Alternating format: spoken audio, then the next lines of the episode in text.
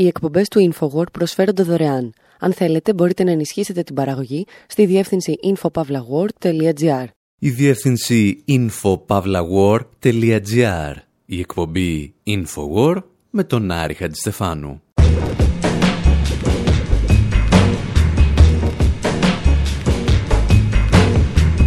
όπου σήμερα γιορτάζουμε τα 200 χρόνια από τη γέννηση του Φραγκενστάιν. Και όπως υποψιάζεστε, υπενισόμαστε ότι το τέρας που δημιούργησε δεν ήταν και τόσο κακό παιδί όσο νομίζαμε. Ή τέλος πάντων ήταν εξίσου καλό με τον Ροβεσπιέρο. Αναρωτιόμαστε αν ήταν το νόθο παιδί της Γαλλικής Επανάστασης ή αν πρέπει να αναζητήσουμε τις ρίζες του στην Επανάσταση των Σκλάβων, στην Αϊτή. Επιστρατεύουμε γι' αυτό τον Σαντάνα και τον Λόρδο Βίρονα, τον Οπενχάιμερ, κάτι πανεπιστημιακούς και τους Dead Kennedys.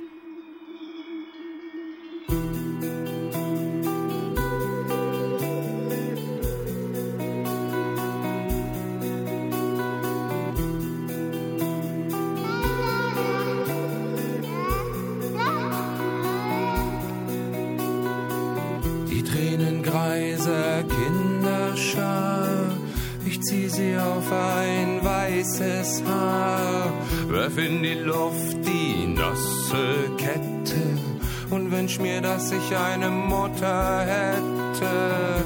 Keine Sonne, die mir scheint, keine Brust hat Milch geweint. In meiner Kehle steckt ein Schlauch, hab keinen Nabel auf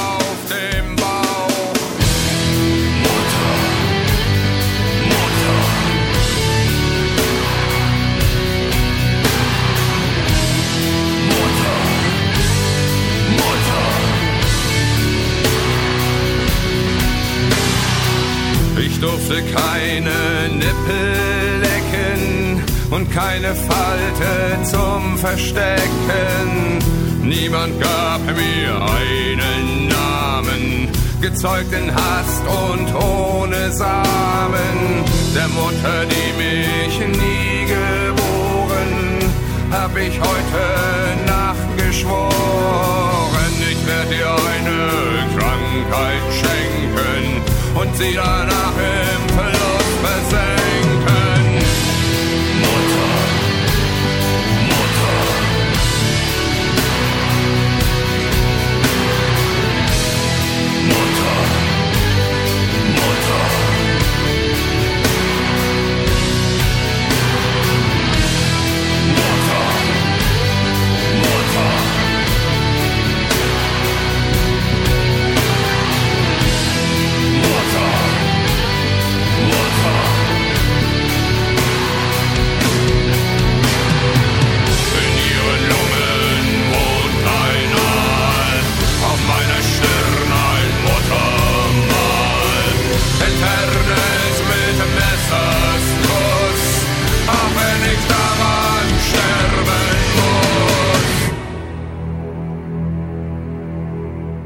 Γερμανοί Ραμστάιν τραγουδούν για ένα παιδί που γεννήθηκε χωρίς μητέρα και πατέρα, αλλά ήταν αποτέλεσμα ενός πειράματος. Κανένας, λέει, δεν μου έδωσε ένα όνομα και κανένας ποτέ δεν με αγκάλιασε. Το παιδί προσπαθεί, λέει, να σκοτώσει τη μητέρα που δεν το γέννησε και ύστερα να αυτοκτονήσει, αλλά αποτυγχάνει στο δεύτερο σκέλος της αποστολής του.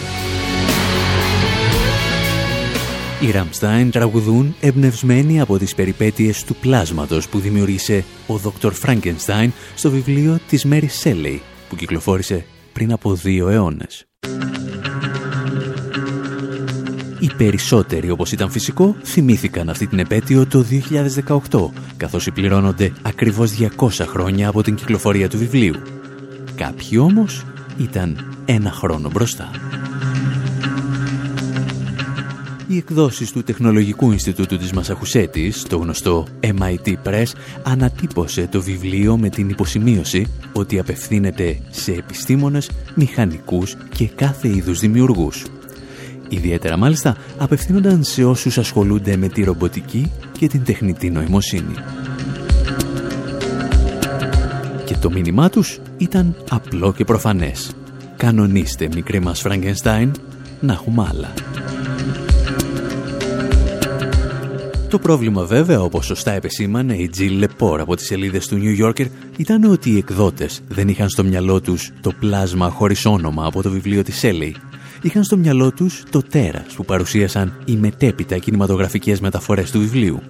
Όπως η περίφημη ταινία Frankenstein με τον Boris Karloff το 1931.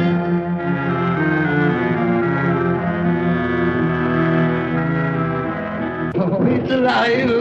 It's alive! It's alive!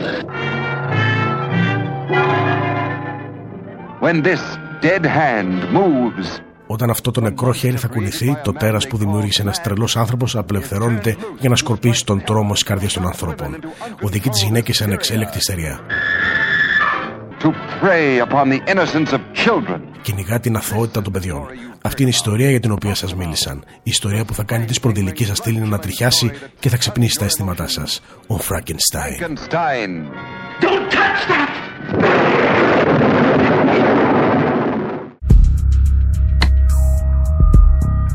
Οι δημιουργοί της ταινίας Frankenstein κατακρεουργούν όπως θα δούμε την ιστορία που είχε γράψει έναν αιώνα νωρίτερα η Mary Shelley και το κάνουν για πολύ συγκεκριμένους λόγους. Η μεγάλη ύφεση της δεκαετίας του 30 έχει μόλις ξεκινήσει και το Hollywood αναζητά νέα τέρατα. Ρευστοποιεί το φόβο μιας ολόκληρης κοινωνίας για το αύριο. Η μόνη διασκέδαση είναι να βλέπεις στη μεγάλη οθόνη ότι υπάρχουν και χειρότερα. Περίπου δηλαδή ό,τι έκανε λίγα χρόνια νωρίτερα και ο γερμανικός εξπρεσιονισμός στον κινηματογράφο. Στον κινηματογράφο της δημοκρατίας της Βαϊμάρης. Καθώς τα χρόνια περνούν, η ιστορία του Φραγκενστάιν αποκτά στο συλλογικό υποσυνείδητο μια ελαφρώς απλουστευτική μορφή. Ένας τίμιος επιστήμονας ξεπερνά τα όρια που ορίζει με απροσδιόριστο τρόπο η ηθική της εποχής του και δημιουργεί ένα τέρας. Και αυτό στρέφεται τελικά εναντίον του και εναντίον ολόκληρης της κοινωνίας. Με το τέλος του Δευτέρου Παγκοσμίου Πολέμου, ο σύγχρονος Φραγκενστάιν προσωποποιείται σε επιστήμονες όπως ο Ρόμπερτ Όπενχάιμερ, ο πατέρας της πυρηνικής βόμβας.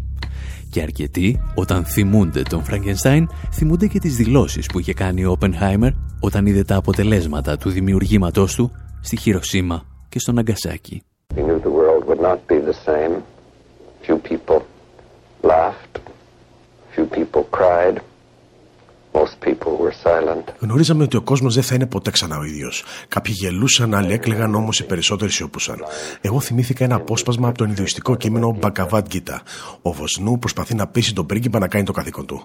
Για να τον εντυπωσιάσει, παίρνει την πάνωπλη μορφή του και λέει: Τώρα είμαι ο θάνατος, ο καταστροφέας των κόσμων. Νομίζω όλοι το σκεφτήκαμε με τον έναν ή με τον άλλο τρόπο.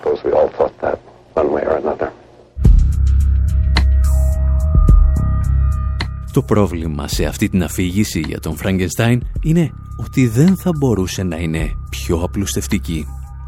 Το πλάσμα της Μέρι Σίλεϊ δεν είχε στην πραγματικότητα καμία σχέση με τα τέρατα που αναζητούσε ο κινηματογράφος στα χρόνια της αποτυχίας του καπιταλισμού και στη μεταπολεμική περίοδο. Για την ακρίβεια ήταν το νόθο παιδί άλλων εποχών και κάποιων επαναστάσεων. Για να γνωρίσουμε όμως το πραγματικό δημιούργημα του Φραγκενστάιν πρέπει να επιστρέψουμε στα 1816, κάπου στις όχθες της λίμνης της Γενέβης. Αυτά όμως προσεχώς.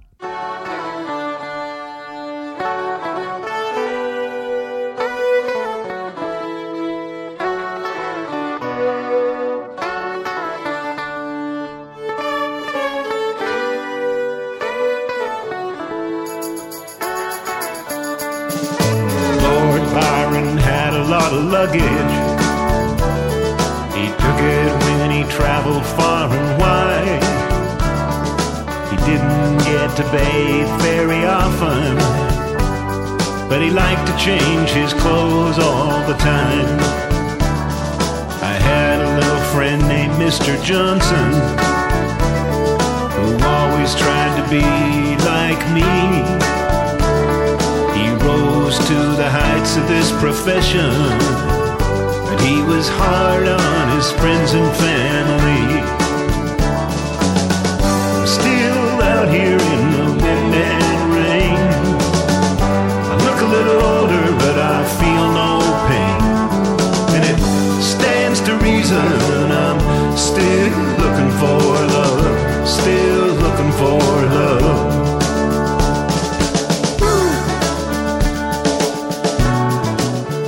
Warren Ζάβεν με το καλημέρα σας υποστηρίζει ότι ο Λόρδος Βύρονας είχε πολλές βαλίτσες τις οποίες έπαιρνε μαζί του στα ταξίδια του.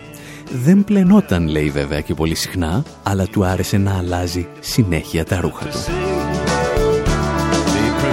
Δηλώνουμε εξ αρχής ότι δεν καταφέραμε να διασταυρώσουμε την πρώτη πληροφορία, ότι ο Λόρδος Βύρονας δεν πλενόταν συχνά. Είμαστε όμως σίγουροι ότι του άρεσαν τα πολλά και τα μεγάλα ταξίδια και ένα από αυτά θα τον φέρει στις όχθες της λίμνης της Γενέβης, με εκλεκτή μάλιστα παρέα. Μαζί του βρίσκονται ορισμένα από τα πιο επαναστατικά και ίσως αναρχικά πνεύματα της εποχής του.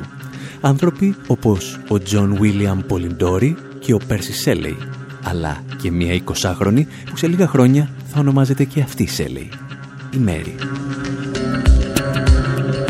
Και επειδή ως γνωστόν στη λίμνη της Γενέβης δεν υπάρχουν και πολλά πράγματα να κάνεις, τα μέλη εκείνης της παρέας αποφάσισαν να βάλουν ένα στοίχημα. Θα το κέρδιζε όποιος παρουσίαζε την πιο τρομακτική ιστορία. Ο Πολυντόρη θα βάλει τον καλύτερό του εαυτό και από αυτήν την προσπάθεια θα γεννηθεί το διήγημά του, το Βαμπύρ, μια νέα σελίδα στην παγκόσμια λογοτεχνία του τρόμου. Εκείνο το διαγωνισμό όμως θα τον κερδίσει με διαφορά η Μέρι Σέλεϊ.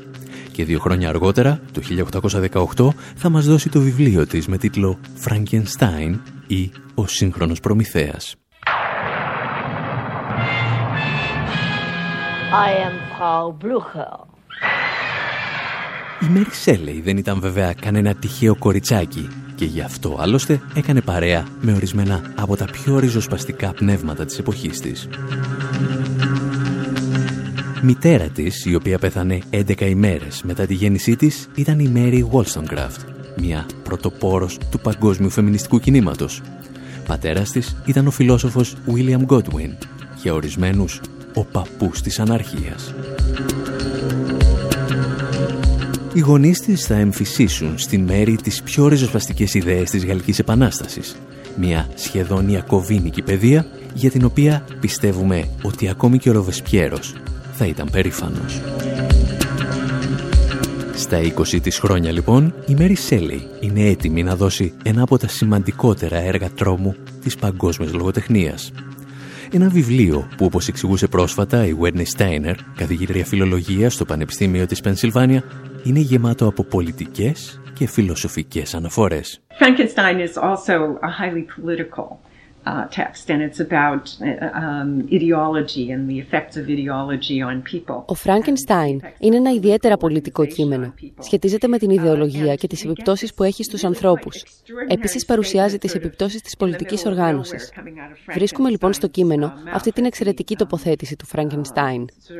Αν ο άνθρωπος δεν επέτρεπε στις προσωπικές του επιδιώξεις να επηρεάσουν την εσωτερική του γαλήνη, η Ελλάδα δεν θα είχε υποδουλωθεί. Ο Κέσαρας δεν θα είχε θυσιάσει τη χώρα του. Η Αμερική θα είχε ανακαλυφθεί με πιο ομαλό τρόπο και οι αυτοκρατορίες του Μεξικού και του Περού δεν θα είχαν καταστραφεί.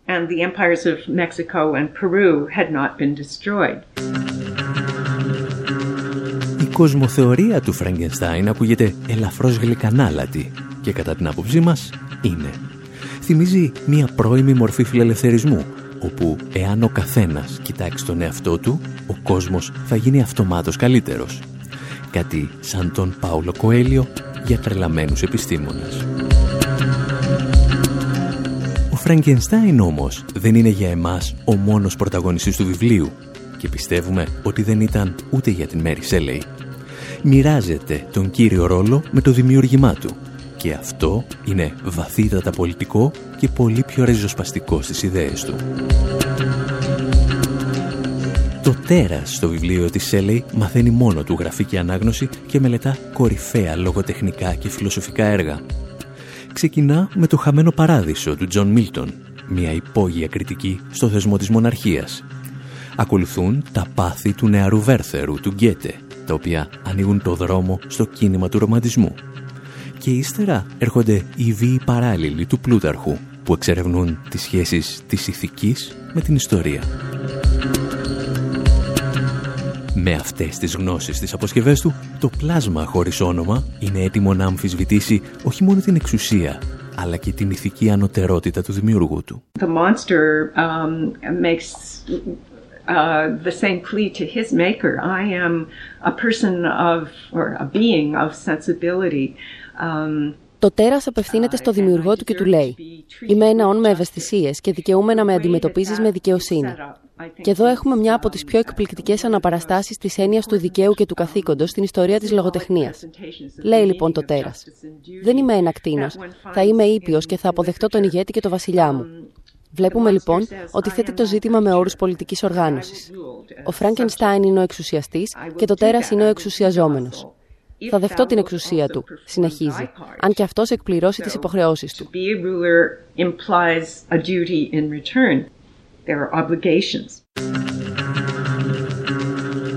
Το δημιούργημα του Φραγκενστάιν φαίνεται να δανείζεται ιδέες από το κοινωνικό συμβόλαιο του Τζον Λοκ ή του Ρουσό.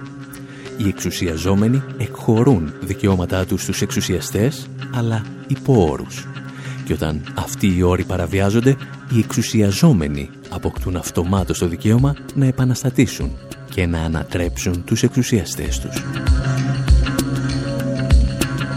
Και η Whitney Steiner συνεχίζει να μας διαβάζει τα λόγια του τέρατος προς τον δημιουργό του. Remember that I am thy creature. I ought to be thy Adam, but I am rather the fallen angel, Satan, uh, whom thou drivest from joy Θυμήσου ότι είμαι δημιούργημά σου. Οφείλεις να με αντιμετωπίσεις σαν τον Αδάμ, αλλά είμαι ο έκπτωτο άγγελος.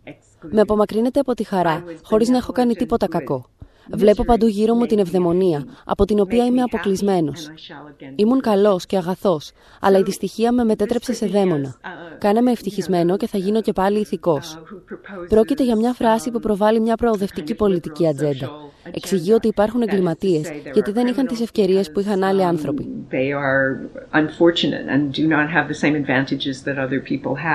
Du sagtest viel, Johnny. Kein Wort war wahr, Johnny. Du hast mich betrogen, Johnny, zur ersten Stund. Ich hasse dich so, Johnny, wie du da stehst und grinst, Johnny. Nimm doch die Pfeife aus dem Maul, du Hund. Surabaya, Johnny. Warum bist du so roh? Surabaya, Johnny, Εάν γεννιόταν έναν αιώνα αργότερα, ίσως το τέρας του Φραγκενστάιν να πρωταγωνιστούσε και σε κάποια θεατρική παράσταση του Μπέρτολ Μπρέχτ. Θα ήταν ένας εγκληματίας φτωχοδιάβολος και η Λοτελένια θα του τραγουδούσε το Σουραμπάγια Τζόνι. Εμείς πάλι θα προτιμήσουμε την πολύ πιο σκοτεινή ερμηνεία του Μαρκ Σέμπεργκ μέχρι το μεγάλο μας διάλειμμα. Επιστρέφουμε για να δούμε ένα παιδί της Γαλλικής Επανάστασης ή της εξέγερσης των σκλάβων σε κάποια άλλη γωνιά του πλανήτη.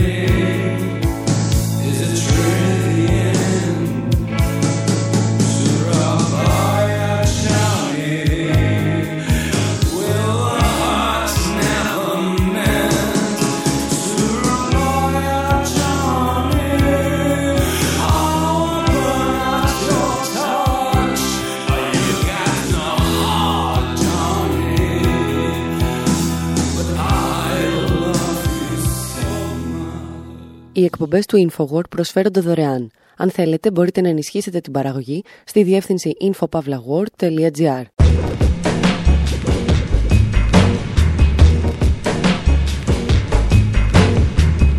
Εκπομπή InfoWord, μέρος δεύτερο. Όπου συζητάμε για το παρεξηγημένο δημιούργημα του Frankenstein, το τέρας χωρίς όνομα; Και όσο περνάει η ώρα, μας φαίνεται πολύ πιο συμπαθές από το δημιουργό του. Ακούσαμε ιστορίες για τη συγγραφέα του βιβλίου, τη Μέρι Σέλεϊ και την ανατροφή της με τις πιο ριζοσπαστικές ιδέες της Γαλλικής Επανάστασης. Και ενώ πολλοί πιστεύουν ότι αυτό ακριβώς το πνεύμα της Επανάστασης διαπνέει και το έργο της Frankenstein, εμείς σκεφτόμαστε να δοκιμάσουμε και μία άλλη εκδοχή.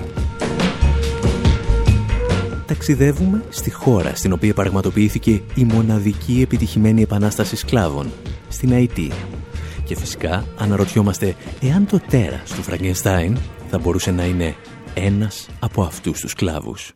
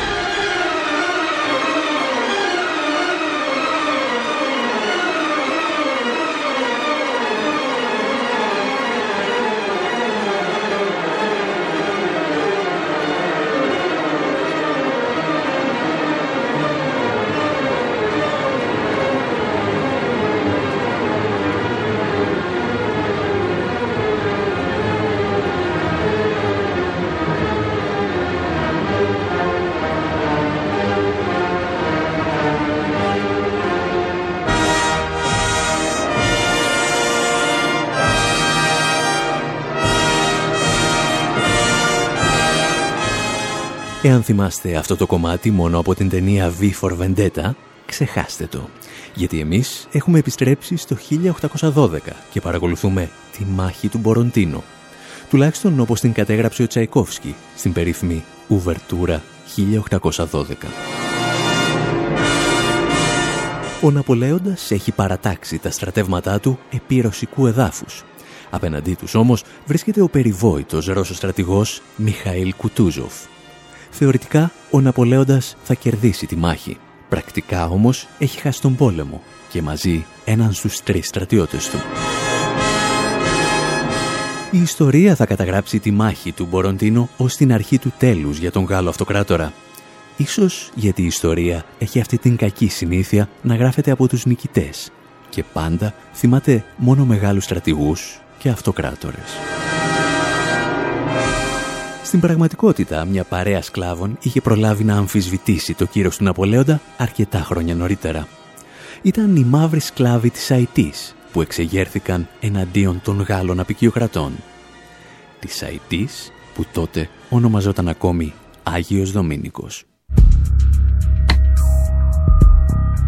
Ο Ναπολέοντας θα προσπαθήσει να ανακαταλάβει τη χώρα, αλλά βρίσκει απέναντί του ένα σύγχρονο Σπάρτακο. Έναν πρώην σκλάβο που ενώνει όλους τους σκλάβους απέναντι στην πανίσχυρη αυτοκρατορία. Το όνομά του είναι του Σεν Λουβερτούρ και είναι ο άνθρωπος για τον οποίο ο Κάρλος Αντάνα θα γράψει το 1971 το ομώνυμο κομμάτι του. Ακούστε λίγο και από αυτό και επανερχόμαστε.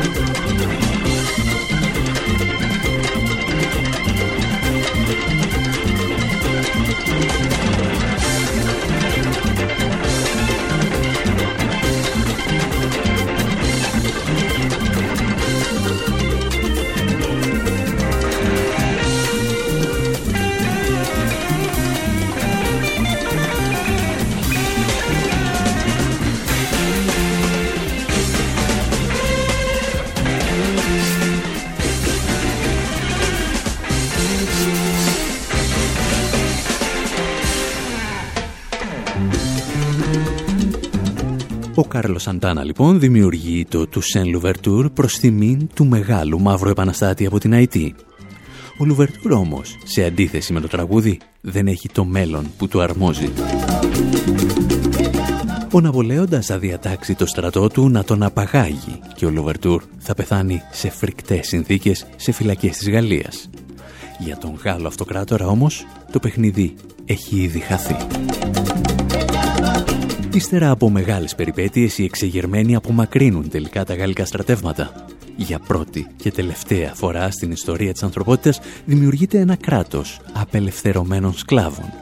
Και το κράτος αυτό θα ονομάζεται στο εξής IT.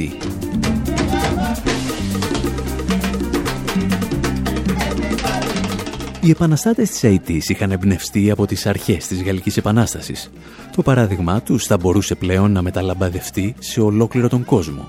Μόνο που, όπως φαίνεται, είχαν κάνει ένα μικρό λαθάκι. Η Γαλλική Επανάσταση, κύριοι, έγινε για να έρθει στην εξουσία η αστική τάξη της Γαλλίας, όχι κάτι μαύρη στην άλλη άκρη του κόσμου.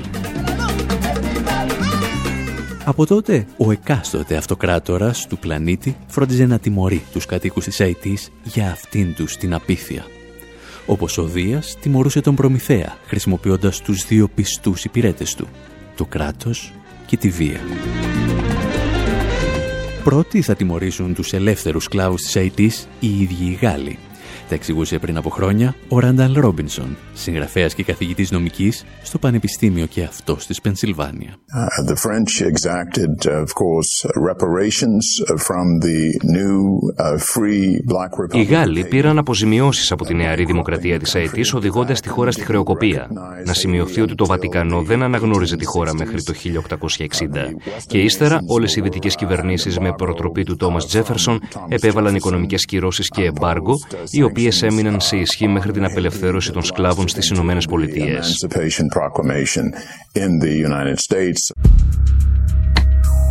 Οι καιροί όμως αλλάζουν. Οι Ευρωπαίοι απεικιοκράτες αποχωρούν σταδιακά από την Αμερικανική Ήπειρο και όλες οι χώρες της περιοχής περνούν στη σφαίρα επιρροής των Ηνωμένων Πολιτειών. Φυσικά η Ουάσιγκτον δεν πρόκειται να αφήσει ένα κράτος ελεύθερων σκλάβων να κάνει ό,τι θέλει. Είναι καιρός για μια επέμβαση. Κάποιος πρέπει να καλέσει τους πεζοναύτες. But it was in 1915 that uh, Woodrow Wilson, of course, το 1915 ο πρόεδρος Woodrow Wilson έστειλε δυνάμεις πεζοναυτού να εισβάλλουν και να καταλάβουν την ΑΕΤ μέχρι το 1934. Κατέλαβαν τη γη και την μοίρασαν σε αμερικανικές επιχειρήσεις. Είχαν τον απόλυτο έλεγχο στο έδαφος και συνέλεγαν υψηλούς φόρους. Λειτουργούσαν τη χώρα σαν να ήταν κτήμα της Αμερικής.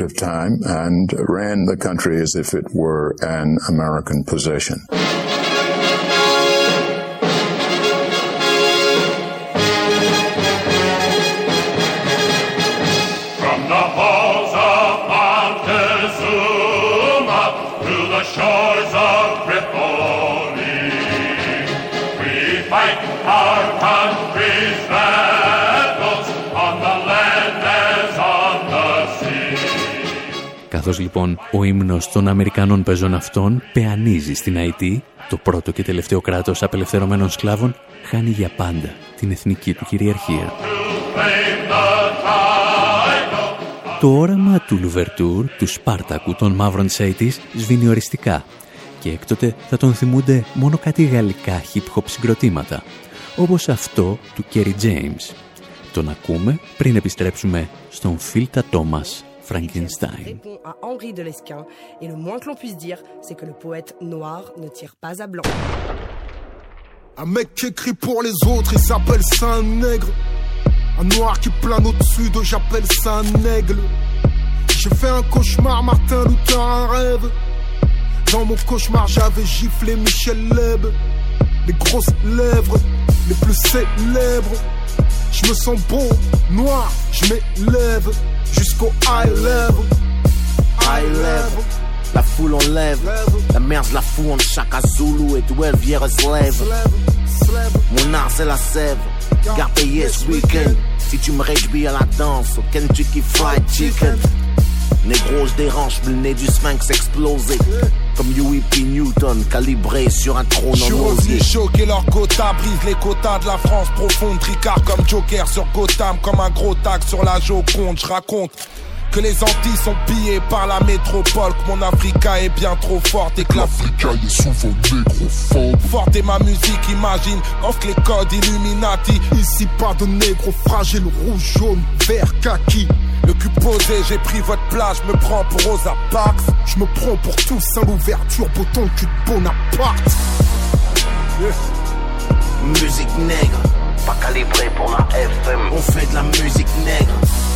Quelle insolence! Musique nègre. Gardez yes weekend. On fait de la musique nègre. choquer leur quota, choquer leur quota. Musique nègre, pas calibré pour la FM. On fait de la musique nègre. Quelle insolence! Musique nègre, gardez yes weekend. Sur le boulevard de la vie, je suis dans l'angle mort. Un nègre qui les défie est Ο Κέρι Τζέιμς διηγείται σε ένα τραγούδι τις ιστορίες όλων των μαύρων επαναστατών που έχουν περάσει από το πρόσωπο της γης. Στο βίντεο κλιπ μάλιστα ντύνεται με τη στολή του του Σεν Λουβερτούρ και έχει κάθε δικαίωμα να το κάνει γιατί η καταγωγή του είναι από την Αϊτή. Οι γονείς του ήταν απόγονοι των πρώτων σκλάβων που απελευθερώθηκαν μόνοι τους. au sol comme Malcolm Sterling. À trop respirer le roger. Οι ιστορίες του Κέρι Τζέιμς ξεκινούν από τον Σάκα Ζούλου, τον αυτοκράτορα που πολέμησε τους απικιοκράτες στη Νότια Αφρική και φτάνουν στους Μαύρους Πάνθυρες και τον Χιούι Νιούτον, που δολοφονήθηκε από την Αμερικανική αστυνομία. Φυσικά δεν παραλείπει τον Τουσέν Λουβερτούρ, τον άνθρωπο που όπως λέει έδωσε μια κλωτσιά στα οπίστια του Ναπολέοντα Βοναπάρτ. J'emprunte les voies rocheuses. Ο μόνος μαύρος ηγέτης, τον οποίο δεν φαίνεται να ανέχεται, ήταν ο Μπαρακ Ομπάμα.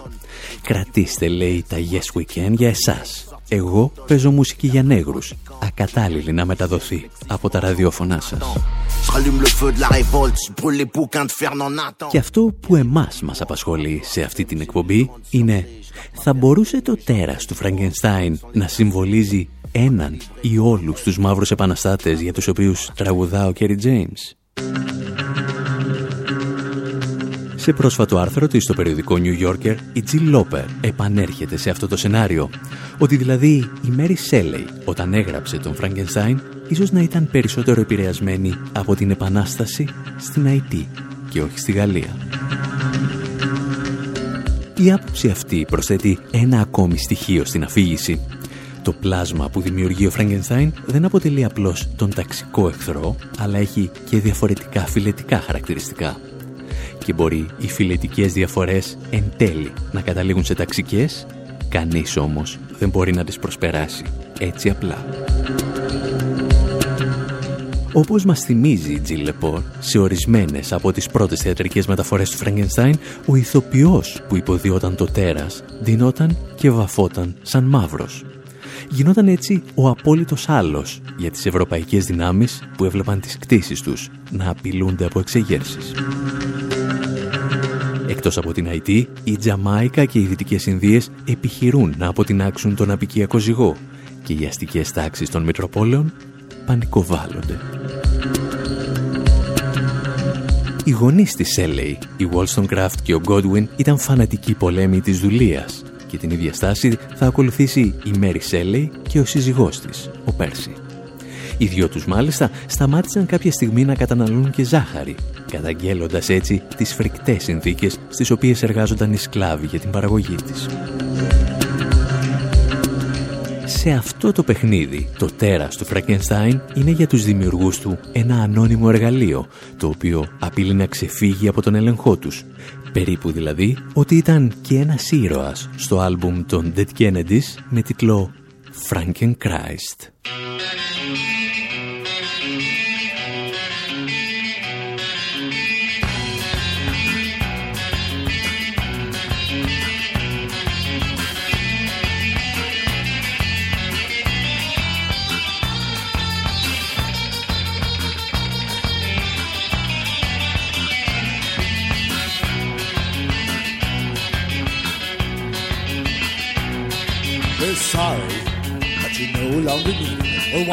Or even cared about here. Machines can do a better job than you, and this is what you get for asking questions.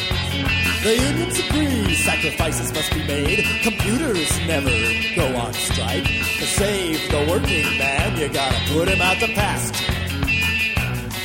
Looks like we have to let you go.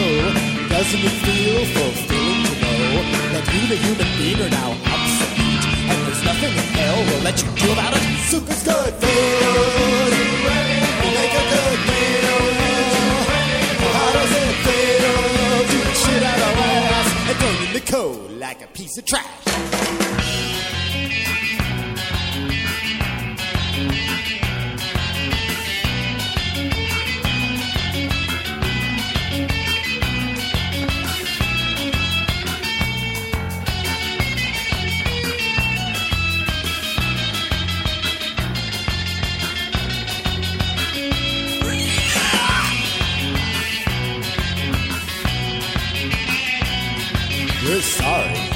Just have to leave. Unemployment runs out after just six weeks.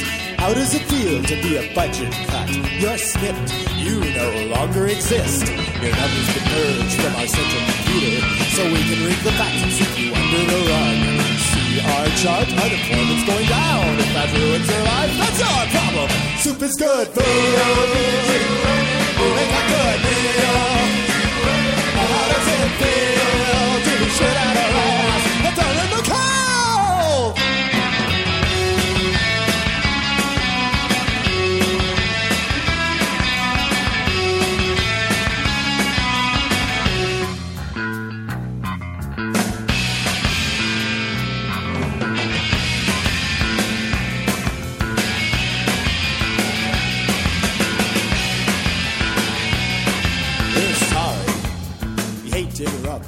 Dead Kennedys παραθέτουν τις πιο καθαρές πολιτικές τους απόψεις στο άλμπουμ τους Frankenchrist. Και εδώ, στο πρώτο τραγούδι με τίτλο Soup is good food, τραγουδούν για έναν ανώνυμο εργαζόμενο που απολύεται από τη δουλειά του. speed, you mind melting chemicals. Η εργοδοσία και οι αρχές της πόλης έχουν μόνο μία μικρή παράκληση. Αν θα μπορούσες, του λένε, να μην αυτοκτονήσεις από αυτή τη γέφυρα, γιατί μπορεί να σε δει κάποιος τουρίστας. Και κανένας μας δεν θα ήθελε να συμβεί κάτι τέτοιο. With no minister present in a spiraling corkscrew disposal unit, grounding the stew and flushed away your chair. Δύο αιώνες μετά την πρώτη κυκλοφορία του Frankenstein, οι ερμηνείες για το έργο της Mary Shelley είναι περισσότερες και από τα χρόνια που μεσολάβησαν. Σε αντίθεση όμως με τις τηλεοπτικές μεταφορές, το αληθινό τέρας ήταν το θύμα και όχι ο θήτης. Ήταν ο ιτημένος σε ένα κοινωνικό συμβόλαιο το οποίο κατέρεε και του έδινε έτσι το δικαίωμα να επαναστατήσει. Κάπου εδώ όμως και εμείς θα σας αφήσουμε. Να μας επισκέπτεστε καθημερινά και να μας λέτε τη γνώμη σας στη διεύθυνση info.pavlawar.gr Από τον Άρη Χατζηστεφάνου στο μικρόφωνο και τον Δημήτρη Σταθόπουλο στην τεχνική επιμέλεια, γεια σας και χαρά σας. Feel my